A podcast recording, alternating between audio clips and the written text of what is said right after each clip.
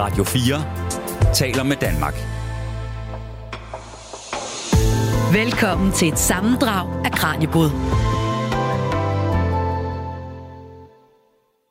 Velkommen her til weekendudgaven af Radio 4's videnskabsprogram Kranjebrød. Den næste times tid skal vi høre de allerbedste klip fra de programmer, vi har sendt i løbet af ugen. I anledningen af Nobelprisuddelingen den 10. december har Kranjebrød lavet en serie hen over ugen om tidligere danske Nobelprismodtagere og det arbejde, som de modtog prisen for.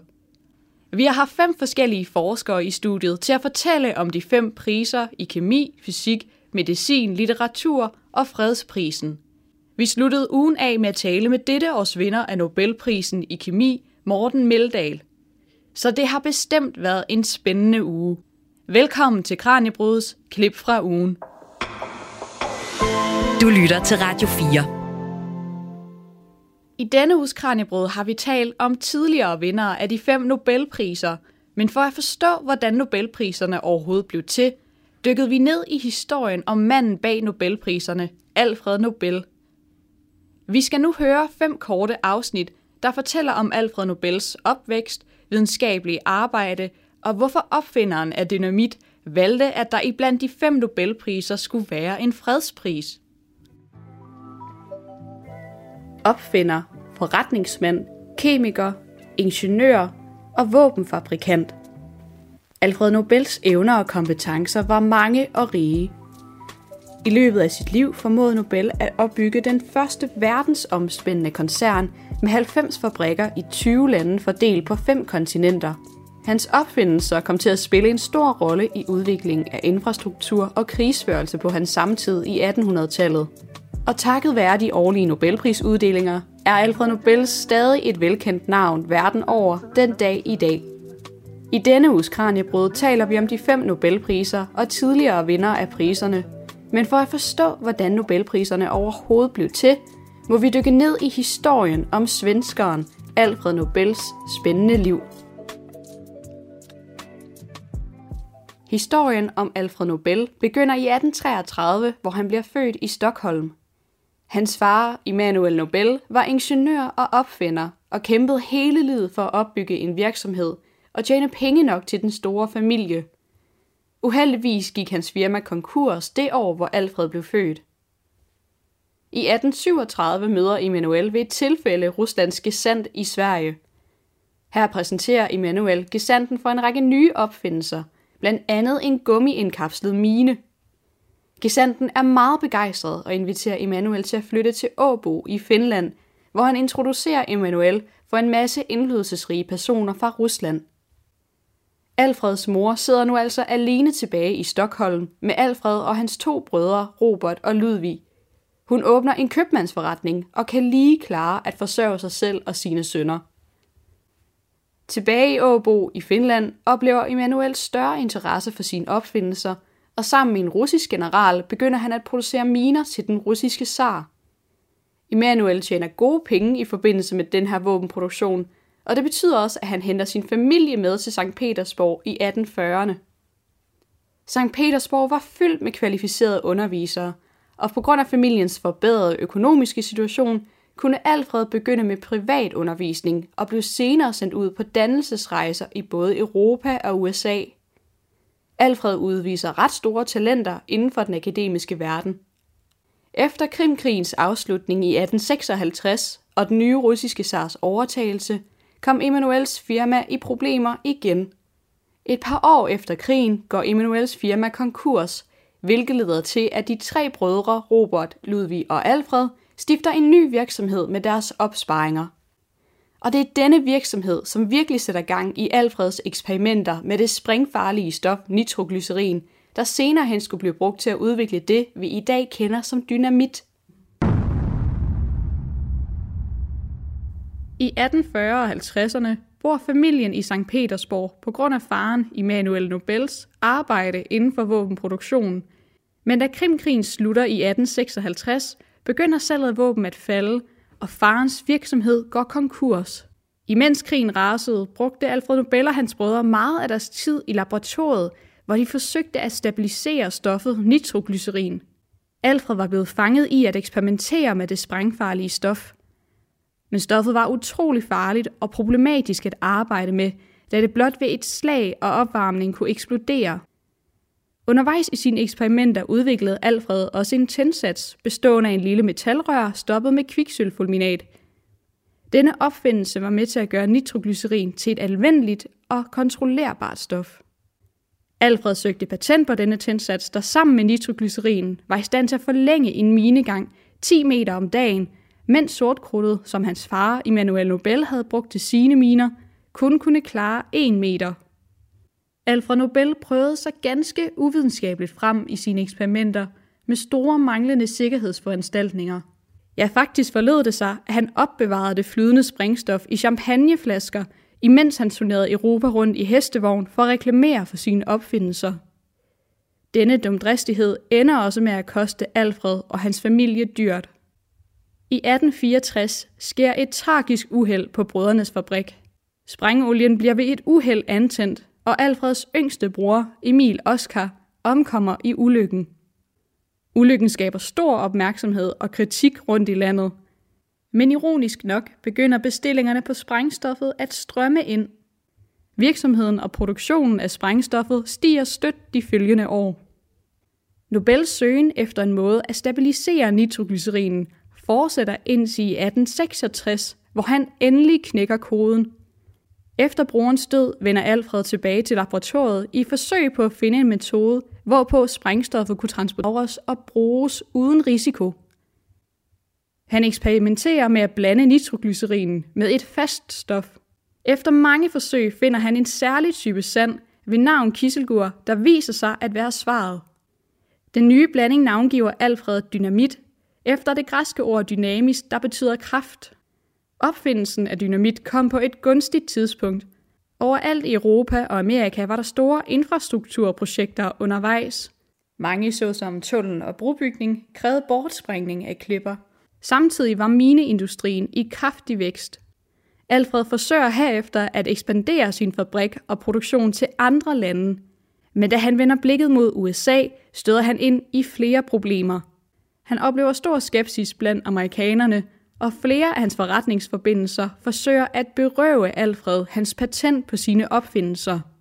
Langsomt får Alfred dog etableret et dynamitimperium, som når rundt til alle verdens kroge. Men livet som en af datidens rigeste forretningsmænd og ingeniører var ikke altid nemt. Og for Alfred var det også en ensom affære, da han aldrig selv blev gift eller fik børn.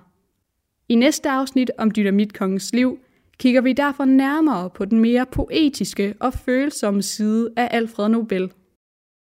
I 1887 skriver Alfred Nobel en kort selvbiografisk note til sin ældre bror Ludvig.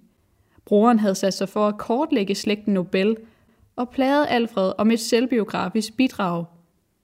Alfred svarede ham med følgende. Alfred Nobel, ynkværdig skabning, som burde have været kval af en menneskekærlig læge, da han gjorde sin hylende entré ind i dette liv. Største dyder, at holde sine negle rene og aldrig været en byrde for nogen. Største svagheder, hverken at have kone eller børn, et lyst sind eller en sund appetit, største ønske, ikke at blive begravet levende. Vigtige begivenheder i hans liv, ingen. På dette tidspunkt havde den 54-årige Alfred Nobel opbygget et kæmpe europæisk industriimperium, var en anerkendt videnskabsmand, indehaver af over 300 patenter og en af Europas rigeste mænd. Alligevel levede han et ensomt pendlerliv mellem Europas hovedsteder – Alfred forstod betydningen af at placere sig steder i verden, hvor han kunne indhente nye indsigter og indarbejde dem i sit arbejde. Derfor bosatte Alfred sig en årrække i Paris. Paris var dengang knudepunkt i Europa. Under sin tid i Paris mødte han to kvinder, der kom til at præge hans liv. Bertha von Suttner, der kortvarigt var hans sekretær, opretholdte han korrespondancen med i mange år indtil sin død.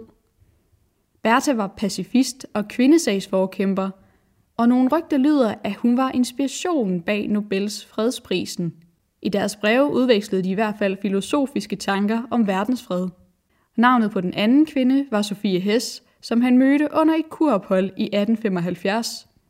Sofie var 18 år yngre end Alfred, og forholdet bølgede op og ned indtil hans død. Udover at skrive korrespondencer med damer rundt i verden, så brugte Alfred Nobel også meget tid på at skrive digte, skuespil og romaner. Poesien var en afledning i hans mere depressive perioder.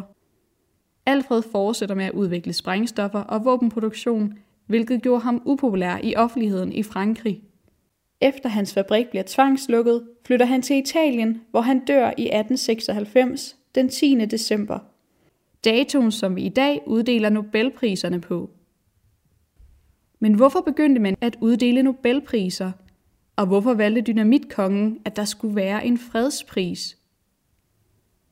De sidste år i Nobels liv var præget af både op- og nedture. Han tog mange patenter på nye opfindelser, som han fik stor anerkendelse for, men samtidig mødte han også stor kritik for produktionen af dynamit, som udover at blive brugt til at udvikle infrastruktur, også spillede en stor rolle i krigsaktioner.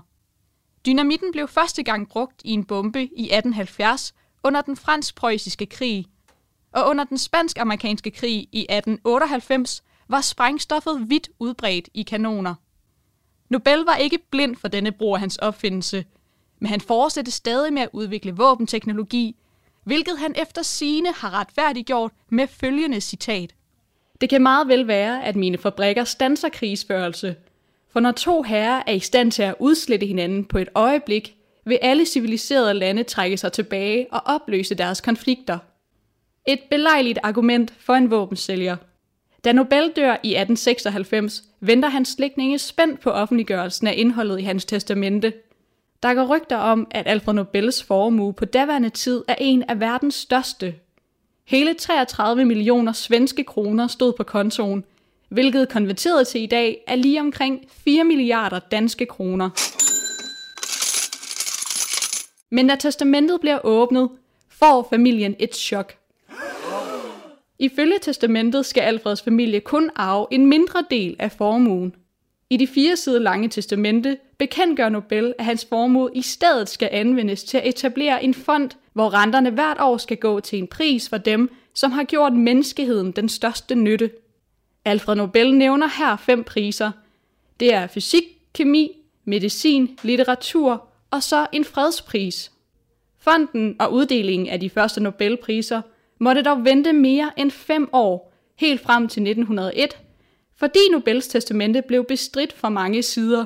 Selvom Nobel ikke selv havde børn eller kone, følte resten af hans familie og bekendte sig forbigået. Alfreds kvindelige bekendte Sofie Hess troede med at offentliggøre nogle kærlighedsbreve, hvis ikke hun fik tildelt flere penge, end hvad Alfred Nobel allerede havde tilføjet i testamentet til hende.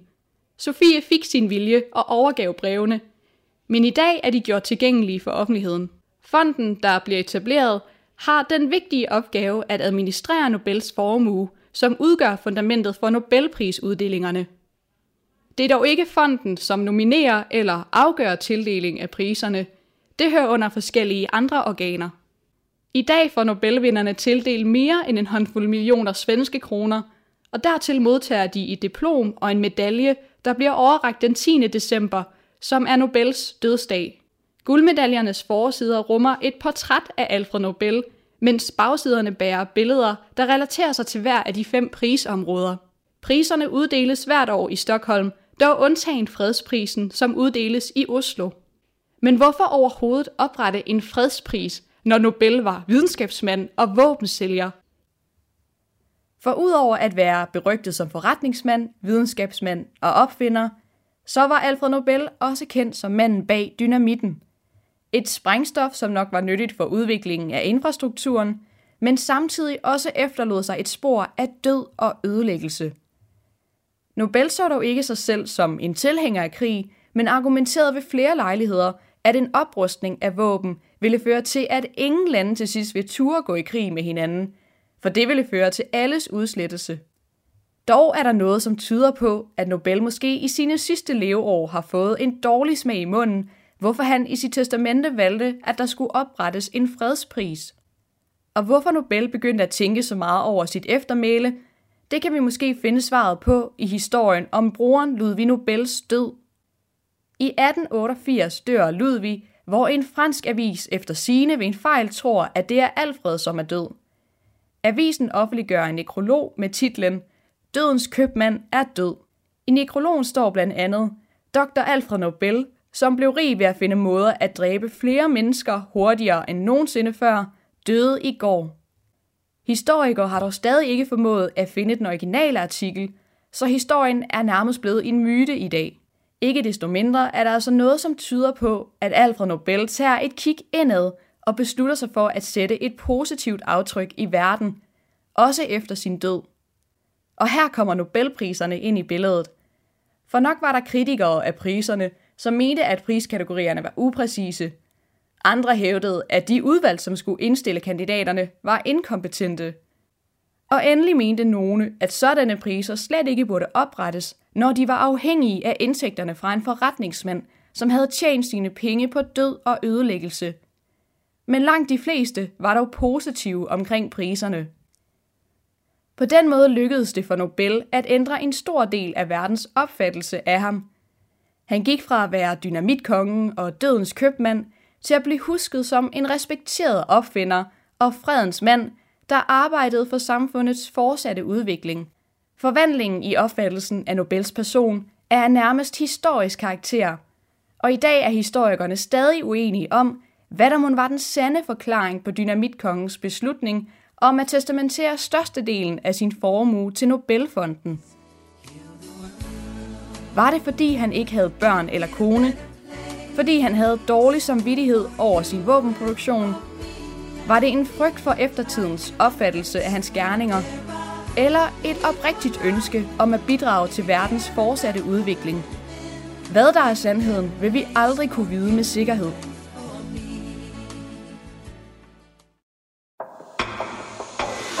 Du lytter til Radio 4. Det var altså historien om dynamitkongen Alfred Nobel. Og nu skal vi høre et klip fra mandagens program, hvor vi kiggede nærmere på de danske forskere, der har fået Nobelprisen i fysiologi eller medicin. Vores gæst, professor Tobias Wang, fortalte her om tre af de tidligere danske modtagere af prisen, men også om hvilke forskere han mente kunne have modtaget prisen, og som har følt sig forbigået. Vi hopper ind i klippet, hvor Tobias Wang fortæller om, hvad Nobelprisen i medicin egentlig dækker over. Den dækker både over øh, det, der kan bruges til noget, altså det medicinske, der hvor det går ud og, og, og bliver noget, der, der øh, hjælper menneskeheden, som jo står i Nobels øh, testamente, og så det mere basale, fysiologien, altså hvordan kroppen virker. Så det vil sige, at, at, at prisen øh, kan gives og er blevet givet både til fundamentale erkendelser, men også til noget, der, der er, er umiddelbart brugbart. Ja, og hvornår er det, den her pris den opstår? Den, kom, den kommer jo sammen med Nobels øh, testamente og, og bliver uddelt for første gang i 1901, mener jeg det er. Og, øh, og så har vi jo en dansker, der får den allerede i, øh, i 1903, Finsen, som vi kommer til at tale om. Så, så det, er jo, det er jo den første store pris, der bliver givet inden for videnskab, og derfor har den jo sådan også en, en aura, som er helt speciel, at vi sidder jo alle sammen og venter der i, i oktober på, hvem får den i år. Vi har jo øh, øh tænkt på, hvem det kunne være, og har små vedemål osv. Så, så det er jo, det er jo en pris, som, som alle kender, modsat mange af de andre store priser, som, som jo også findes, som nogen, i nogle af tilfælde giver flere penge end Nobelprisen. Men Nobelprisen er helt indiskutabelt den største pris, man kan få. Ja, men også fordi den jo på en eller anden måde lykkedes at blive sådan lidt folkelig. Altså, det er i hvert fald noget, som det er ikke kun folk inden for, øh, for forskningsverdenen, der synes, det er spændende. Det er noget, der kommer på forsiden af alle de store, øh, alle de store dagblade. De dækker også, hvem har fået, øh, hvem har fået Nobelprisen. Ja, altså undtagen i år, hvor, hvor valget jo ødelagde, at vi fik den, altså at, vi fik den i kemi, og det er jo en langt større nyhed, end at der blev udskrevet valg. Ikke? Det er jo noget, vi husker i fremtiden, at, at, at vi fik den i kemi. Det, man husker jo ikke det her valg om, om 20 år. Men ja, altså det er en pris, som vi alle sammen følger med i. Og altså jeg mener ikke bare vi på universitetet, det er også uden for universitetet. Og det er jo i nogen grad også, fordi Nobelpriskomiteen er ekstremt gode til at sælge sætte sig selv. Altså de er meget, meget opmærksomme på, at de har den fineste pris, og de gør alt, hvad de kan for at, at fastholde, hvad skal man sige, førerskabet over alle de andre priser. Så der, der, der er den her mystik, der ligger med, at det er meget, meget hemmeligt. Øh, så derfor er der ikke nogen, der ved, øh, hvad det er for nogle diskussioner, der foregår osv. osv., osv. Så, så den, den har sådan en aura, som, som jeg også er sikker på, at er, er i en eller anden grad sættende. Ja, og hvad er det, hvad er det, man skal leve op til? Hvad er det, kravene er for at få, øh, få være en af de heldige, som får en, en Nobelpris. I Ja, det er jo ikke held. Nej, det gør sig fortjent til, vil jeg sige. det er selvfølgelig det forkerte ord. Men, men øhm, det er meget eksplicit, at det skal være den største opdagelse.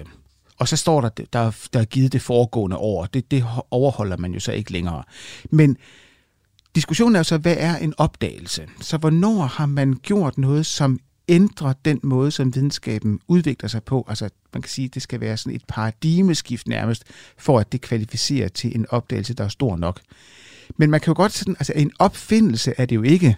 Og, det, øh, og hvornår er en opdagelse en erkendelse? Og, og jeg ved fra folk, der sidder i Nobelpriskomiteen, at, at de bruger meget øh, tid på at diskutere, hvad, altså, og, og definere, hvad er en opdagelse. Fordi det er, jo, det er jo faktisk lidt svært at finde ud af præcis, hvad man mener med det.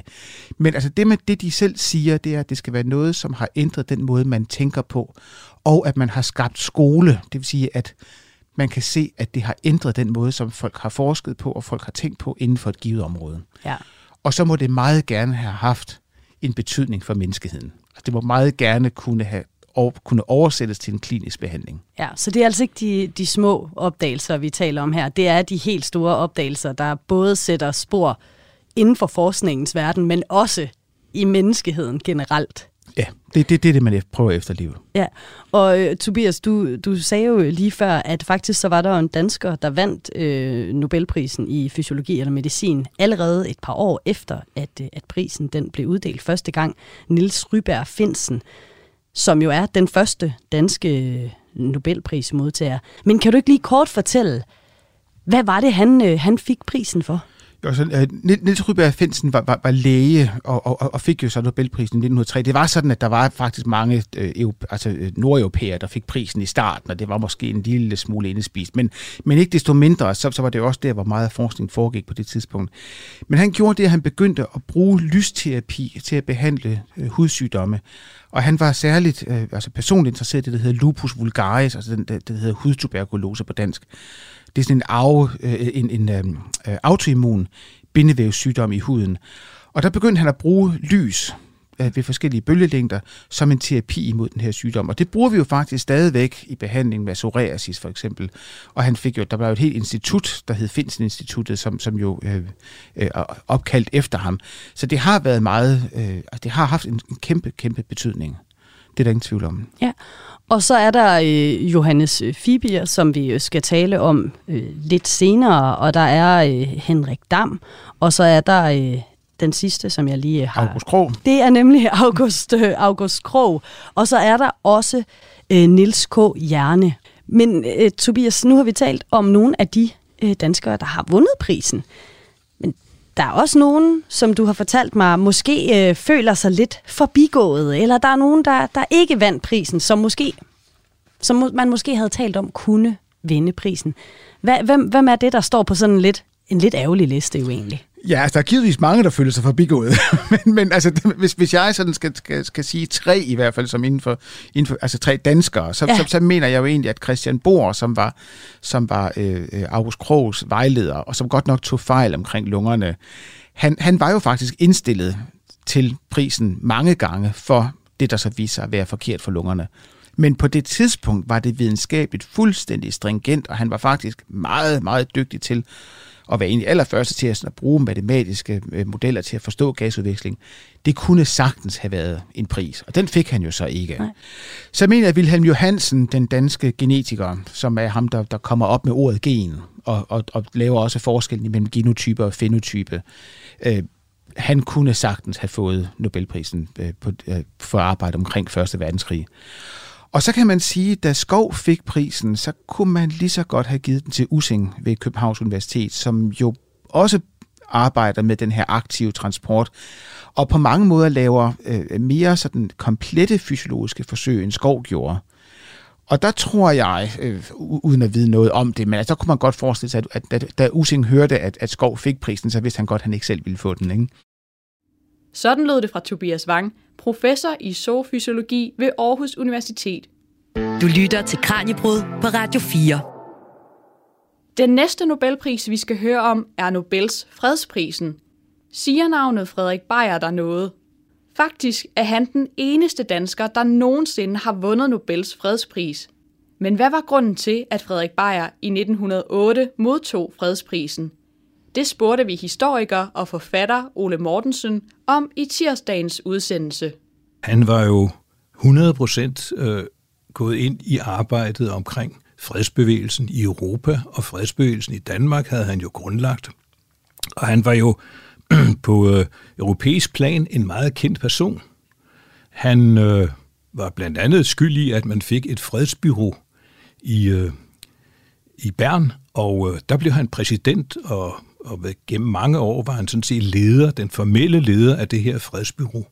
Frederiks idé, det var jo, at det var meget godt, at man havde de her mange fredsmøder, dels fredskonferencer og fredskongresser, men man, man manglede en institution, som ligesom kunne bære sagen videre, altså en slags permanent sekretariat, som kunne bringe de her ting på plads og hele tiden arbejde for freden. Og øh, det gjorde han. Og han var jo så også, hvad skal vi sige, øh, en person, som jo var kendt i det europæiske fredsbevægelse. Og derfor så stod han jo på en liste over de mennesker, som ligesom havde gjort sig fortjent til denne her Nobelpris. Kan man pege på nogle højdepunkter i, øh, i Frederik Beyers arbejde øh, som fredstilhænger i løbet af, af, af, hans, af hans tid, af hans arbejde? Ja, det kan man da. Altså, det der skete, det var jo, at han øh, startede en, en øh, forening, der hed Dansk øh, Freds, Fredsforening. Det gjorde han i 1882. Og den mødte jo fra starten øh, meget stor skepsis. Øh, det var sådan, at han øh, blev mødt med, med hån og latterliggørelse, især fra den øh, de sider af regeringsmagten, altså højre, generalerne, officerer osv., de rystede på hovedet. Og øh, det fik altså ikke Frederik og hans få øh, sympatisører til at, at stoppe. Det, der var enestående ved hans tanker, det var jo, at han gik nogle helt nye veje. Og han kiggede jo på øh, de lande, som var neutrale, nemlig Belgien og Schweiz. Og hans argumentation var, at Danmark kunne hverken gøre fra eller til militært. Men ved at blive erklæret neutrale at følge en neutral politik, hvor vi hverken støttede den ene eller den anden af stormagterne, så kunne vi måske undgå krigen. Så kunne vi holde os ude af det her, som tegnede til at blive et stort opgør. Og den mulighed så efterhånden mange mennesker. Og øh, han drog altså land og rige rundt, og han gik rundt ind i Folketinget.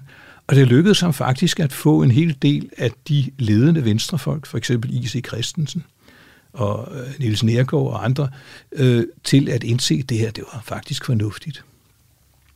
I 1901 så kom det såkaldte systemskifte.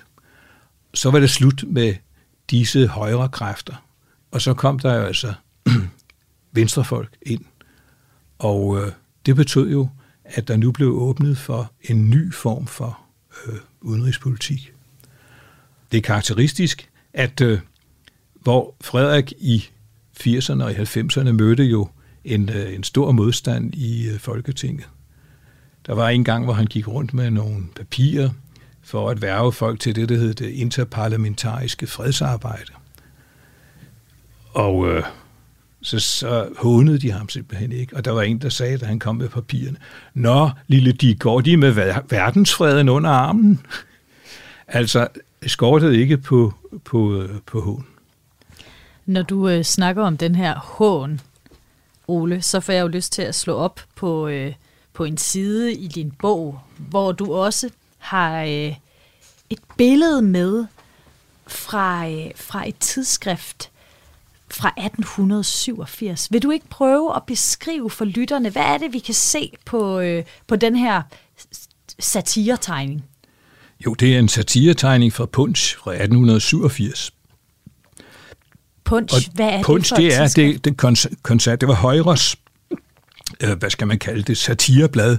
Alle de, de, de, de, i det bedre borgerskab, de holdt punch, og det var altså et, et blad, hvor man fik sig en, en, en, en, en, et grin, ikke? og man, man gjorde nar af sine modstandere, og man, der var også mange morsomme, øh, øh, morsomme ting i bladet, og det var jo godt forsynet med dygtige tegnere og så videre. Og her ser vi så et, et billede af øh, en situation, hvor man ser Frederik, Frederik Beyer var et af Punches yndlingsoffre. Andre, det var selvfølgelig Christen Berg, og det var øh, Høgerup, og det var selvfølgelig også folk som, øh, som Herman Bang og sådan noget. De, bladet havde simpelthen en række mennesker, de forfulgte. Og Frederik han bliver altid fremstillet som sådan en, en, øh, en dragon, men han er ovenikøbet jo forsynet med sådan et, et barnedragt, eller sådan et kravledragt, og så står han med en dragonhjelm på hovedet, og så står han med en flag, et hvidt flag, hvor der står freden. Og han står over for to, øh, hvad skal vi kalde det, bevæbnede mennesker. Ja. Den ene er en svejser, der er ved at lave, lade et øh, gevær, og den anden er en belgier, der står med panser og plade og, og så videre. Og så lyder teksten, Frederik siger, men belgier og Schweizer dog. Jeg tror vel ej, ruster I jer. Betænk, I er neutrale. De garanterede, det vil sige, de neutrale svarer, sandt nok, men man kan man ikke forsvare sig selv og det, man ejer, så er neutraliteten ikke så meget værd som en bajer. altså et lille ordspil. Men sagen er alvorlig nok, fordi man er jo altså prøvet at, hvad skal man sige, nedgøre fredsbevægelsen. Det lykkedes ikke. Tværtimod så voksede fredsbevægelsen, og den blev jo efterhånden øh, rigtig, rigtig stor. Den havde mange, mange kredse rundt omkring, og øh, man havde, øh, man sendte jo, hvad hedder det, øh, forskellige erklæringer, eller som man kaldte det, adresser. Og øh, for eksempel i 1892 så underskrev 242.000 mennesker en adresse om fred, og året efter var det 234.000 som man sendte til de forskellige landes regeringer, fordi man altså ønskede, at Europa skulle bevare freden. Det var altså historiker og forfatter Ole Mortensen. Jeg hedder Tine Brink Hansen, og du lytter til weekendudgaven af Radio 4's videnskabsprogram Kranjebrød. Her serverer jeg nogle udvalgte klip fra de programmer, der er blevet sendt i ugens løb. Skulle du være blevet nysgerrig for at høre de fulde programmer af de klip, som jeg spiller for dig her i dag, så kan du lytte til dem alle på Radio 4's hjemmeside eller i din podcast-app. Vi skal nu videre i dagens program og høre et klip fra det næste afsnit i serien om Nobelpriserne. Henrik Pontoppidan var både en fantastisk forfatter, bidende samfundskritiker og dybt filosofisk.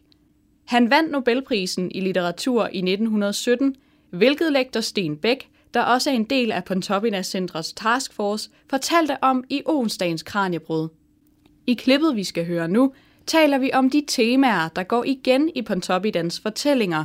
Samtidig taler Sten Bæk om, hvorvidt Nobelkomiteens beskrivelse af Pontoppidans forfatterskab er dækkende.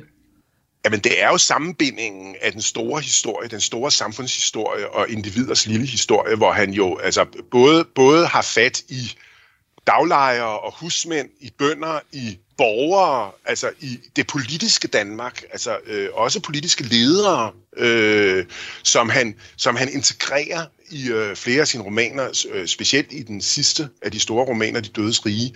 Øh, det er i hvert fald et, et tema, og det gør han sublimt, fordi for nogle forfattere kan det ofte gå lidt galt, ikke? Altså, at så, så bliver individerne sådan nogle typer, nogle stereotyper på, på tendenser i tiden, og der er Pontoppidan bare rigtig, rigtig god til at lade dem folde sig ud i alt deres individualitet, samtidig med deres, hvad skal man sige, rødder i den store historie bliver, bliver, bliver, bliver fastholdt. Køn interesserer også øh, Pontoppidan øh, rigtig meget, altså forholdet mellem mænd og kvinder, hvor hans hans mænd måske har en tendens til sådan at tænke meget abstrakt om livet og være meget udulige på den nære kærlighedsfronts øh, område. Det er jo noget, vi kender til også i det 20. århundrede. Det er diskussion om, om, om, om, om, om, øh, om mænd og den maskuline mystik, mens kvinderne hos Pontoppidan ofte, hvad skal man sige, har mere kærlighed at give, men de er jo ligesom fastlåst i nogle roller og, og, og i nogle livssammenhænge, som gør, at de ikke rigtig kan folde sig ud.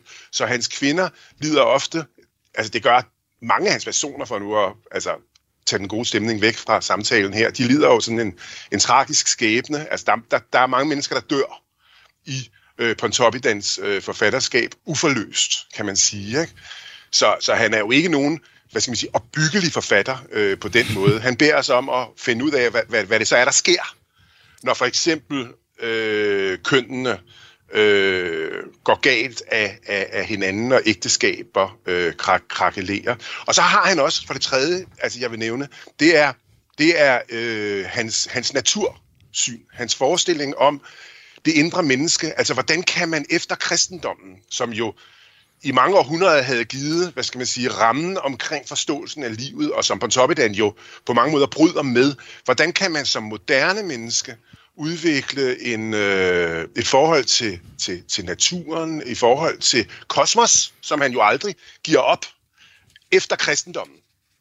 Så, så på den måde er der også en, en metafysik hos Pontoppidan, som dog er sådan smukt underspillet. Altså, han, han, han buller ikke ud i sådan store øh, øh, hvad skal man sige, grundlæggelser af livssyn, men, men, det er helt, men det følger ham hele tiden altså i forfatterskabet, og det kan jeg utrolig godt lide hos ham. Og øh, nu talte vi om før, han er meget mere end bare en, en Nobelpris-vinder, øh, øh, men i øh, 1917, der vinder han jo som en af bare tre danske forfattere Nobelprisen i litteratur. Altså, hvad er det, der taler for, at han vinder den her pris? det, det, det er en meget, meget øh, intrigant affære, kan man sige, historien om den der Nobelpris, når man sådan graver sig ned i det. Ikke? Altså mange havde jo, havde jo ønsket, at Georg Brandes havde fået den der pris, men det var slet ikke øh, på tale for, for Nobeludvalget. Altså, Nobel havde jo skrevet, at, at det skulle være en, der sådan var idealistisk. Altså, det skulle være forfattere, der, var, der havde sådan et idealistisk syn, et, et opbyggeligt idealistisk øh, syn. Og Georg Brandes, han var jo den, der så at sige, undermineret idealisme øh, og, og, og bad os om at sætte øh, problemer til debat. Øh, og Pontoppidan havde måske lidt af den der brandianske, eller meget af den der brandianske øh, ånd over sig. Så måske var han et substitut for den Brandes, der ikke fik prisen. Øh, og han fik den jo heller ikke helt, fordi han var ikke lige det, tror jeg, som øh, Nobelkomiteen øh, øh gik efter. Det var Karl Gjellerup til gengæld. Ikke? Altså, han, han var ikke nogen stor, han var allerede altså, på vej mm. ud i dansk litteratur, da han får øh, øh, no, no, Nobelprisen. Men han var sådan en, netop sådan en, en livsanskuelsesforfatter, som diskuterer, hvilke, hvilke øh, øh, hvad, hvad kan give et liv mening livsanskuelsesmæssigt, og han flirtet med buddhismen og med, med, med, med, med, med gammel, gammel nordisk øh, og så videre øh, tænkning i, i sit forsøg. Jeg skal ikke tale Karl mhm. Gjellerup mm. ned, men han var nok tættere på, på det, der var ideen om den idealistiske forfatter. Øh, så, så det har også meget at gøre med politik, at, at, at Pontoppidan får den her, øh, den her øh, pris. Og øh, noget, altså den beskrivelse, som Nobelkomiteen bruger, det er, at, at Pontoppidan han får prisen for sin beskrivelser af hverdagslivet i Danmark. Altså, er det overhovedet dækkende for det Pontoppidan han, øh, han laver? Nej, det kan jeg svare kort på. Øh, men, men, men det hænger sikkert også sammen med, at hvis man var gået tættere på en beskrivelse af Pontoppidan, så, så, så, så, så ville man være kommet i clinch med, med det, der ligesom var den bærende ideologi i øh, Nobelkomiteen. Men, det er jo, men det er jo rigtigt nok, han beskriver livet i Danmark. Han beskriver også hverdagslivet i Danmark, men han gør så meget mere. Han er jo en meget mere filosofisk øh, forfatter, og han er en meget mere øh, kritisk øh, forfatter, så, så jeg synes ikke, det er dækkende, men altså, det er vel en karakteristik, man kan leve med. Fortalte gæsten Sten Bæk, lektor på Institut for Kulturvidenskaber og en del af Pontoppidan Centrets Taskforce. Du lytter til Kranjebrud på Radio 4. Den næste Nobelpris i rækken, som vi skal høre om, er Nobelprisen i fysik. De fleste af os kender nok navnet Niels Bohr.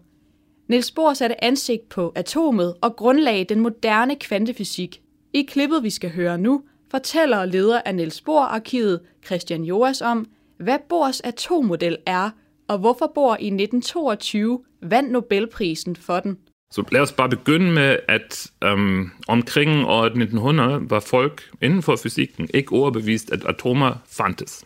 Og det var lige omkring år 1900, at folk begyndte at se tydelige tegn på, at atomer faktisk fandtes. Især øh, øh, omkring 1900 uh, med eksperimenter om røntgenbøjning. Uh, Så atommodeller havde været massevis allerede i 1800-tallet, og så i det tidlige 1900-tallet, og der var faktisk en, en stor tradition i Storbritannien at komme med ens egen atommodel på en måde. Fra Maxwell til, til massevis af andre, og Rutherford var jo en, der også havde bidraget, bidraget med. Og det var den der tradition, britiske tradition, i at forestille sig, hvordan kunne atomerne se ud, som øh, Bohr mødte, øh, da han tog til Manchester i 1912.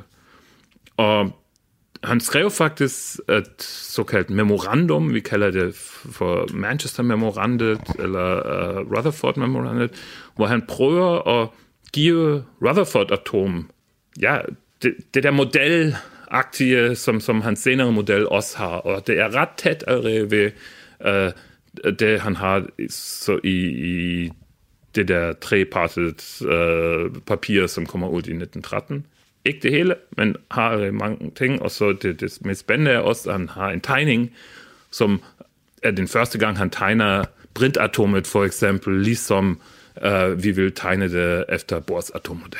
Så det er den klassiske model, hvor der er en kerne og de her elektroner, der, der er rundt, rundt om. Hvordan adskiller den sig fra de eksisterende atommodeller på det her tidspunkt?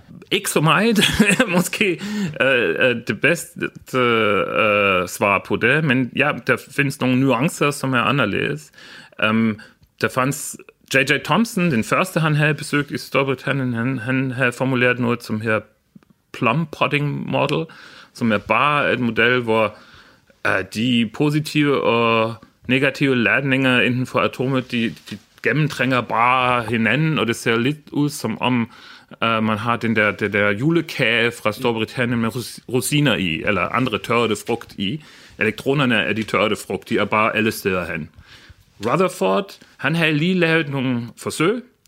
Den meget berømte Rutherford-forsøg, uh, hvor han havde opdaget, at faktisk der fandt noget meget hårdt, meget uh, lille ind, ind i midten af atomerne, og det var kernen og at elektronerne dermed måtte på en måde bare være rundt omkring den der kerne, men der var den der meget præcis definerede, hårde, meget lille kerne. Det Niels Bohr gjorde på en måde, er, at han okay, elektronerne, de kredser nu rundt omkring de der kerner. Og så kom han faktisk med nogle beregninger, og med lidt kvanteteori, for at forstå, hvordan egentlig de der elektroner flyver rundt omkring kernen. Det lyder enormt kompliceret.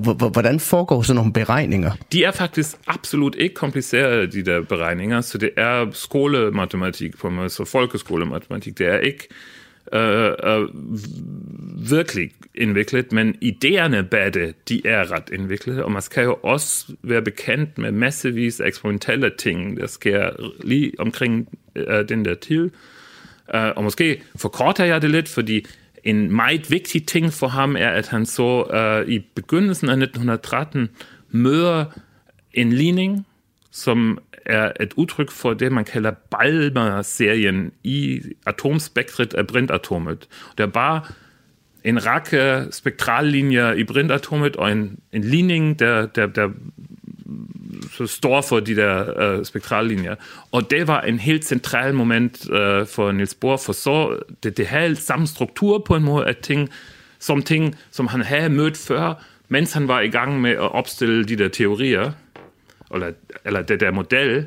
Og så, um, um, da han så det, var han overbevist, okay, jeg er på den rette vej, og nu ved jeg godt, hvordan jeg kan gøre det. Og så inden for tre-fire måneder skrev han de, de her tre afhandlinger, de der tre afhandlinger. Hvor vigtig en, en opdagelse, hvis man kan kalde det det, var det så, øh, var, var så den her bor atommodel? Hvis vi ser på den fra i dag, så var det meget vigtigt. Hvis man kigger på årene 1913-1914, og på det hans øh, de, de folk, der har læst den, øh, reagerer på det, så var det ikke en stor opdagelse. Det, det tog faktisk nogle år, inden folk virkelig forstod, hvad Bohr havde gjort, og at nogle af de ting, han har lavet, som virkede fuldstændig fjollede, faktisk stemte overens med realiteten. Um, så der findes nogle citater, jeg kunne gentage, hvor folk siger, ej, men det var bare monstrøst. Det var bare ikke noget, man kunne forestille sig, det han gjorde. For eksempel, at øhm, omløbsfrekvensen af elektronerne har ikke noget at gøre med frekvenserne af det udstrålte stråling, øh, øh, af lyset, som kom ud, spektrallyset, som kom ud. Det har ikke noget at gøre med hinanden. Det var faktisk noget andet, der definerede, hvad øh, frekvensen var. Og det var bare noget, man ikke kunne have forestillet sig, og det var faktisk en rigtig stor skridt, som ifølge for eksempel Max Planck eller Erwin Schrödinger, andre ville ikke have taget, så han var meget modigt og ambitiøst. Og han, han formåede at gøre noget, andre ville ikke have tålet at gøre. Hvordan fik man så bekræftet, at, at det, han havde fundet frem til, det rent faktisk var, var det, det rigtige? Det, det, man er nødt til at sige, er, at det vi nu ved, er, at Niels Bohrs atommodel grundlagde det, vi nu kalder kvanteteorien. Eller vi siger faktisk den ældre kvanteteori, eller den gamle kvanteteori. Og det var faktisk grundlag til kvantemekanikken, som kom i midten af 20'erne. Og man, man kan godt sige, at uden Bohrs atommodel ville der aldrig have været kvantemekanikken på den måde, vi kender den. Så det var utrolig vigtigt for den udvikling. Man skal også sige, at siden vi har kvantemekanikken, så tror vi ikke på, at atomer virkelig ser ud, som Niels Bohr har formuleret det i 1913. Ikke? Så det, vi, det, på en måde er Niels Bohrs model er blevet erstattet af kvantemekanikken. Så vi tror på nogle andre ting nu. Men Bohrs model er stadigvæk en måde at forestille sig atomer på, som er ret tæt ved det, kvantemekanikken siger. Og så har det som man siger inden for videnskabsteori, heuristisk, en heuristisk rolle, også en rolle i undervisning for eksempel. Så for, man underviser jo stadig om vores atommodel i skolerne. Så det er praktisk talt en model, hvis man kan sige det på den måde? Ja, det var Bohr, og er de fleste fysikere så klar over, at øhm, man beskriver jo aldrig selve realiteten derude, ikke? Men man, altså, man beskriver det, man, man, man beobagter, mens man laver eksperimentelle forsøg. Og det var både sig klar over, og andre sig klar over. Men ja, det var en model, men ideen var jo, at det er så tæt, som man kan komme på atomet, ikke? Dengang. Og nu ved vi, okay, med kvantemekanikken kommer vi endnu tættere på det, men man kan ikke udelukke, at om to år, eller 50 år, eller 200 år, der kommer en ny teori, et nyt model, hvor vi kommer til at sige, ej, okay, det vi troede på basis af kvantemekanikken, det var lige så forkert, som Niels Bohrs model er forkert, når man kender uh, til kvantemekanikken. Det var Christian Joas, leder af Niels Bohr-arkivet. Så er vi nået til det sidste afsnit i serien om Nobelpriserne. I lørdags modtog den danske professor Morten Meldal Nobelprisen i kemi. Derfor har Kranjebrød i denne uge stillet skarp på tidligere danske Nobelprismodtagere. Og selvfølgelig sluttede vi ugen af med et interview med Morten Meldal ham selv – hvor han gjorde os klogere på sin forskning i klikkemiens verden. Først og fremmest, morgen, så vil jeg selvfølgelig sige stort tillykke med Nobelprisen i kemi. Og så kunne jeg godt tænke mig at spørge, hvor mange gange efterhånden er du blevet spurgt om, hvordan det føles at få en pris, som må sige at være den allerhøjeste anerkendelse for dit forskningsarbejde? Først og fremmest så mange tak. Det er jo en kæmpe oplevelse at, at få en Nobelpris, og det er en stolthed, ikke kun for mig, men for alle kollegaer og for Danmark. Og ja, jeg er blevet spurgt rigtig, rigtig mange gange. Jeg har ikke talt på dem længere. Er du ved at blive træt af det? det er, nej, det er jeg ikke, fordi det er jo en fantastisk følelse, og øh, det er også noget, som jeg er rigtig stolt af, både for mig selv og også for mine kollegaer, især Christian Tornø, som jo var phd studerende i sin tid, da vi lavede det her arbejde. Han må også være sindssygt stolt over den her pris. Så ja. Og, øh, og, og hvad prisen er, hvad I har fået, eller hvad du og øh, de to andre øh, amerikanske forskere, hvad I har fået prisen for, eller deler prisen for, det kommer vi ind på lidt senere. Men allerførst, Morten, så kunne jeg godt tænke mig at høre, hvorfor kastede du dig over kemien i sin tid? Kemi har altid, eller rettere, naturen har altid været en enorm inspirationskilde for mig, helt tilbage fra barnsben. Jeg elskede naturen og var altid ude. og kemi er ligesom forklaringen på alting. Altså, man kan enten være religiøs, eller også kan man læse kemi. uh, fordi kemi har faktisk forklaringselementer på alt, hvad der er omkring os. Det er alt, hvad der er omkring os, er kemi. Af vores øh, atmosfære, vores uh, miljø, vores uh, bygninger, vores veje, og selv vi er alle sammen kemi. Så det var en stor inspiration til at starte på at forstå øh, vores omgivelser ud fra et kemisk perspektiv. Når, øh, når, man taler, når vi taler om kemi sådan i dagligdagen, så er det tit sådan noget med nej tak til kemi, og sådan undgår du, at dit barn bliver udsat for kemi. Det er en lidt anden måde at forstå det på. Altså, er der lidt en, en mis, er, er der misforståelse omkring, hvad kemi egentlig er for noget? Ja, absolut. Kemi har skadet sig selv ved ikke at passe på vores omgivelser. Øh, men øh, kemi er samtidig er vores omgivelser. Så derfor så er det et spørgsmål om at øh, få drejet den menneskelige forståelse over i den rigtige retning i kemi. Det, kemi I kemien ligger alle løsningerne til vores miljøproblemer osv. Så øh, vi skal have fat i øh, de helt unge mennesker, og efter min mening undervise i kemi på linje med at lære at læse og skrive. Fordi øh, det er i kemien, at alle løsningerne findes. Og det er kemien, der beskriver de omgivelser, vi har. Den beskriver os selv, vores velfærd, vores medicinske behandling og så videre. Alt det der, det er kemi. Og når vi taler om kemien, så er det jo mere nærmere betegnet klikkemi, som du har øh, fået Nobelprisen for, Morten. Og når man læser om, om klikkemi, så falder man ofte over en forklaring, der involverer øh, legoklodser eller lim.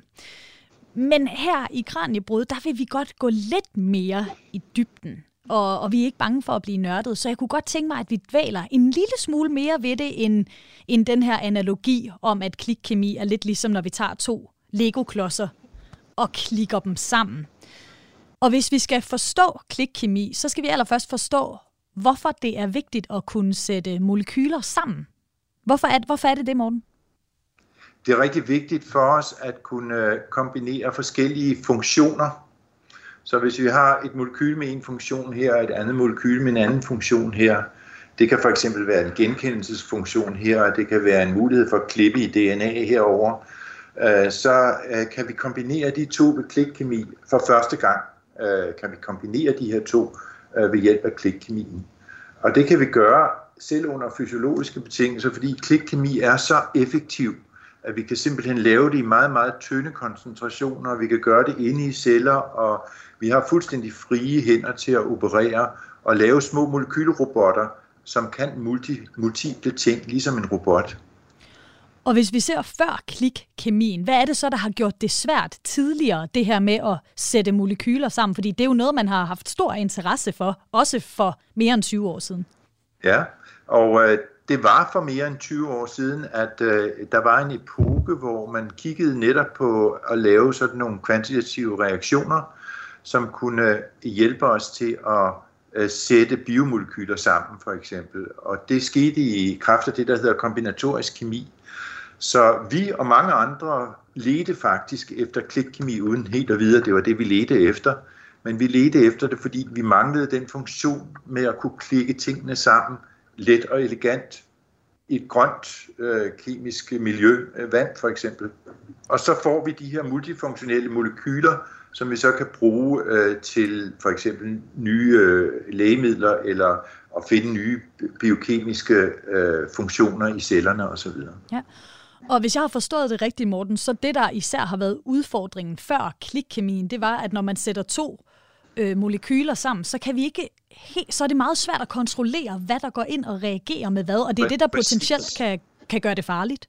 Præcis, så vi har et uh, super funktionelt molekyle her, som har alle mulige uh, polære funktionelle grupper, som gør det kompatible med det vandige, vandige miljø. Og så har vi en anden her, der er lige så fuld af funktionelle grupper, og så på grund af klikkemien er fuldstændig ortogonal med de her to systemer, altså at det er kompatibelt med det, at der ikke sker nogen kemiske reaktioner mellem klikkomponenterne og resten af molekylet, så kan vi selektivt koble dem sammen, så der kun sker den ene reaktion, som er klikreaktionen, og ikke spor andet. Alle de gamle reaktioner, de vil lave alt mulig ravage med de her molekyler, så derfor så kunne man ikke gøre det før. Så det vi kan med klikreaktionerne, det er faktisk helt nyt. Det fortalte Morten Meldal, der er professor i kemi ved Københavns Universitet. Og mere når vi ikke i dag, men du kan lytte til mere Kranjebrød her på kanalen i morgen kl. 12.10, hvor vi finder brætspil frem og taler om de sociale dynamikker, der er på spil, når vi samles ved spillepladen. Hvis du er interesseret i at høre et af de programmer, jeg har spillet klip fra her i dag, så kan du finde dem alle i fuld længde, både på Radio 4's hjemmeside eller i din podcast-app. Har du en god idé til et tema, som du synes, at Kranjebrud skal tage op med forskere her i studiet, så kan du altid sende os en besked på kranjebrud radio4.dk. Programmet er produceret af Videnslyd for Radio 4. Tilbage er der kun at sige, tak fordi du lyttede med, og på genhør.